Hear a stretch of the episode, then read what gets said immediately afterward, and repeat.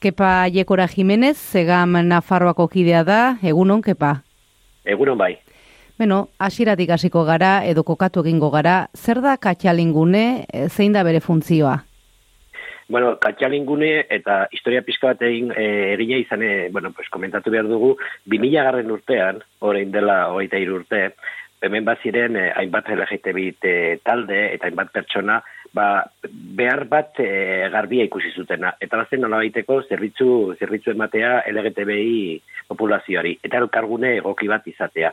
Orduan hor sartu zen aldapakarrikan parte zarrean sortu zen zerbitzu bat oso modu prekarioan eta baina modu voluntarioan eman zena eta amasei urte eman zen.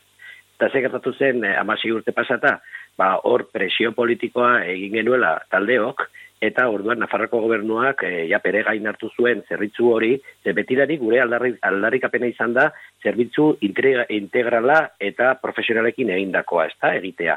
Eta orduan, e, momentu horretan, 2006an, e, amasei urte pasata, e, hor ja katxalingune sortu zuen Nafarroko gobernuak, eta esleipen zuzena eman zion katalingorriri berari, ba, berak kudeatzeko, profesionalak bilatzeko eta diseinua egiteko. Lortu zen, bai, bai, bai esan esan, bai. gepa. Eta urte bat, urte bat pasata, bina eta mazazpian, hor ja LGTBI legea honetxi zuen parlamentuak, eta legeak berak jasotzen du Nafarroko gobernuak bere gain hartu behar duela modu ofizialean gainera Nafarro osorako zerbitzu publiko bat. Eta hala egin zuen eta pausu garrantzitsua izan zen, baina orain zer gertatu da, zer ari da gertatzen, e, zer egin asmodu edo zer egin duia da gobernuak zerbitzu honekin? Begira, e, o, berez horregatik eta goitiko ibilbide hartu, ez da? Gero eta diru gehiago inbertitzen zen horretarako, eta gero eta e, horre, bulego gehiago zabaldu dira. Zekaro, ez dugu dena zentratzen ahal iruñerrian, orduan ikusi zen horren beharra, ez da? Eta horrela joan da, urte zurte, handitzen, eta deno konten gainera, taldea konten, Nafarroko bernua berez, konten, baina iaz ja, Nafarroko bernuak errantzuen, hor txosten juridiko baten arabera, ba, bueno, pues, eh, ez zutela e, horrelako ereduarekin e, jarraitzen al. Eta orduan, e, enkante publikoa, lehiaketa publikoan atera behar zutela, eta orduan hor pliego bat egin zuten, eta etzen inora aurkeztu, eta esleitu gabe geratu zen. Eta zeratik etzen inora aurkeztu, ba, hor agerturiko baldintzak etzirelako bat ere egokiak. Hor, e, takit murrizketa garbia, e, egiteko aprobetsatu zuen Nafarrako gobernuak, e, berdintasun institutuak bere gain hartzen duen zerbitzu hau, bueno, pues hor e, ikusi genuen, e, agerturiko eta esleitutako baldintza horietan ezin zela, e, ezin zela aurrera eraman, eta ez du inorkartu, eta orain, e, ba, bueno, pues orain e, hor dago, e, limbo batean gaude. Zergatik, e, eman du pausu hau gobernuak, zein irakurketa egiten duzue? Bueno, guk e, susmoa dugu, susmoa dugu nolabait ere, ba, horre gobernuak berak ere nahi duela hori kontrolatu, ezta?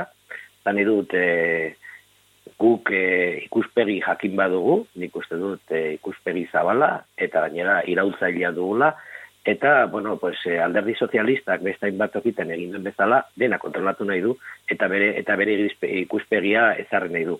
Erran behar dago, inairen, e, bueno, bai zuzendaria bera, eta bai da zuzendari ordea bera ere, bi alderdi politiko e, izendatutako pertsonak direla, batetik e, PSNek, eta bestetik eta aldu Podemosek, eta orduan e, hoiek kontrolatu nahi dute zerbitzua bera, eta nola baitere moldatu zer egiten den, nola egiten den, eta zein den helburua, ezta?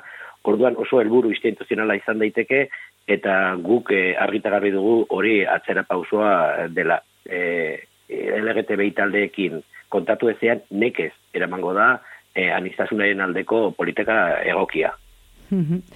zer egin asmo duzue orain, e, zer aurre ikusten duzue, datu zen ez dakit aste edo hilabetetarako? Bueno, lehenik eta behin behartu behar dugu zein den e, momentu honetako egoera, ezta? E, pasaren larun batean manifestazio jendetsua eta koloretsua egin genuen iruñeko karriketan, Eta orain, e, bueno, pues, hainbat alderdi politikorekin e, bueno, pues, harremanetan gaude, parlamentuan beran e, bertan ere, e, por, bere, bueno, proposatu zen, e, talde, e, hainbat talde eta proposatu zute, zuten, e, ba, mande, zerbitzua bere horretan mantentzen aldeko, ba, bueno, era hor e, mendakin bat, eta aurrera atera zen. Aurrera atera zen, PSN-eren kontrako botuarekin eta Podemosen abstentzioarekin. Eta orduan ikusi behar dugu, lehenik eta behin zein den, egungo langileek duten e, estatus juridikoa, ez da? E, bueno, zor badago, e, otxailaren amarrean, bukatu zen kontratua zuten kontratuaren luzapena, ez dakigu zein egoeratan dauden, berroita iru mila euro gutxiago ba, e, izanen dira, hiru langile kaleraturik lehen erran bezala, landa ere, e, e, ere muak, e, zera horre, zera hartatu gabe izanen dira, eta e, landa ere muko e, taldeek baute zer esan handia, baita udalek ere. Orduan hor batetik presio politikoa eginen dugu eta bestetik ere ba guk e, konbokatu egin dugu taldeo, konbokatu egin dugu Nafarrako LGTBI kontseiluaren e, ezoiko eta berelako bilera. Eta horretara azalpen eske eta erantzukizun e, politiko eske joanen gara. Garbi dago e, gu badugula zer esana honetan guztian eta garbi dago e, hor e, orain Nafarroko berduak eman behar duen ikuspegiaz hitz egin behar dugula. Eta gauza bat azpimarratu nahi du, gu ez gaude hor zerbitzua e, gobernuak bere gain hartzearen aurka. Hau da, bendik aurrera, fundazio publiko batek kudeatuko du. Ez gaude horren kontra, baina bai, izegin nahi dugula talde guztiok, bai, nolako ikusperia izanen duen zerbitzu honek, zenolako e, arreta emanen duen, eta zein esparrutara ailegatuko den. Ezin dugu ahaztu, manafarroa zabala dela, eta orduan e, hor e, landa eremua e, bere ezagarri propioak ditu. Bueno, e, orain ezkortasuna da nagusi nolabait esatearren, egoerak edo hartu diren erabakiekala eraginda, baina balioan jartzekoa da, ez da, Nafarroa erreferente izan dela e, zerbitzu honekin? Bai, horrexegatik ere geure harridura. E, beti, saldu izan da, saldu izan da, kanpora begira, e, hemen erreferentia garela, oso lege aurrerako dugula, eta neurri batian egia da, baina legeak e, aurrerako, aurrerako, lege aurrerako hau, e, hauek gero indarrean eta garatu egin behar dira.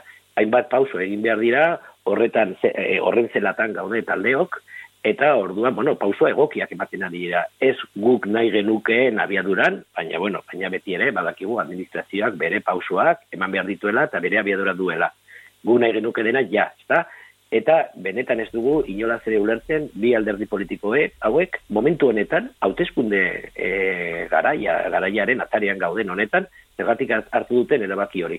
Horrexegatik diot, e, bueno, pues hor e, konbokatzen gaituztenean azalpen eske joanen garela eta eta erantzunkizu politikoa e, lengo gunean e, izandako manifestazioan jende asko eskatzen zuen e, zuzendari ordearen e, dimisioa. Orduan e, ez dugu lertzen alderdi politikoekin hitz hitz egiten zaiteko dugu eta ikusiko dugu ba bueno pues e, e, ateratzen den alderdi zera hor gobernu Nafarroko gobernu berriak ea zuzentzen duen oraingo e, honek egindako bidegabekeria Itxen egin beharko dugu apur bat e, egoera argitzeko, baina tira, izango gara, eh? Hauzi honi begira, Kepa Iekora Jimenez, egan Nafarroa eskarrik asko gaurkoan naiz irratiaren deiari erantzuteagatik. Bue, zuei, mila esker, eh, bueno, pues, eh, honetaz kezkatzea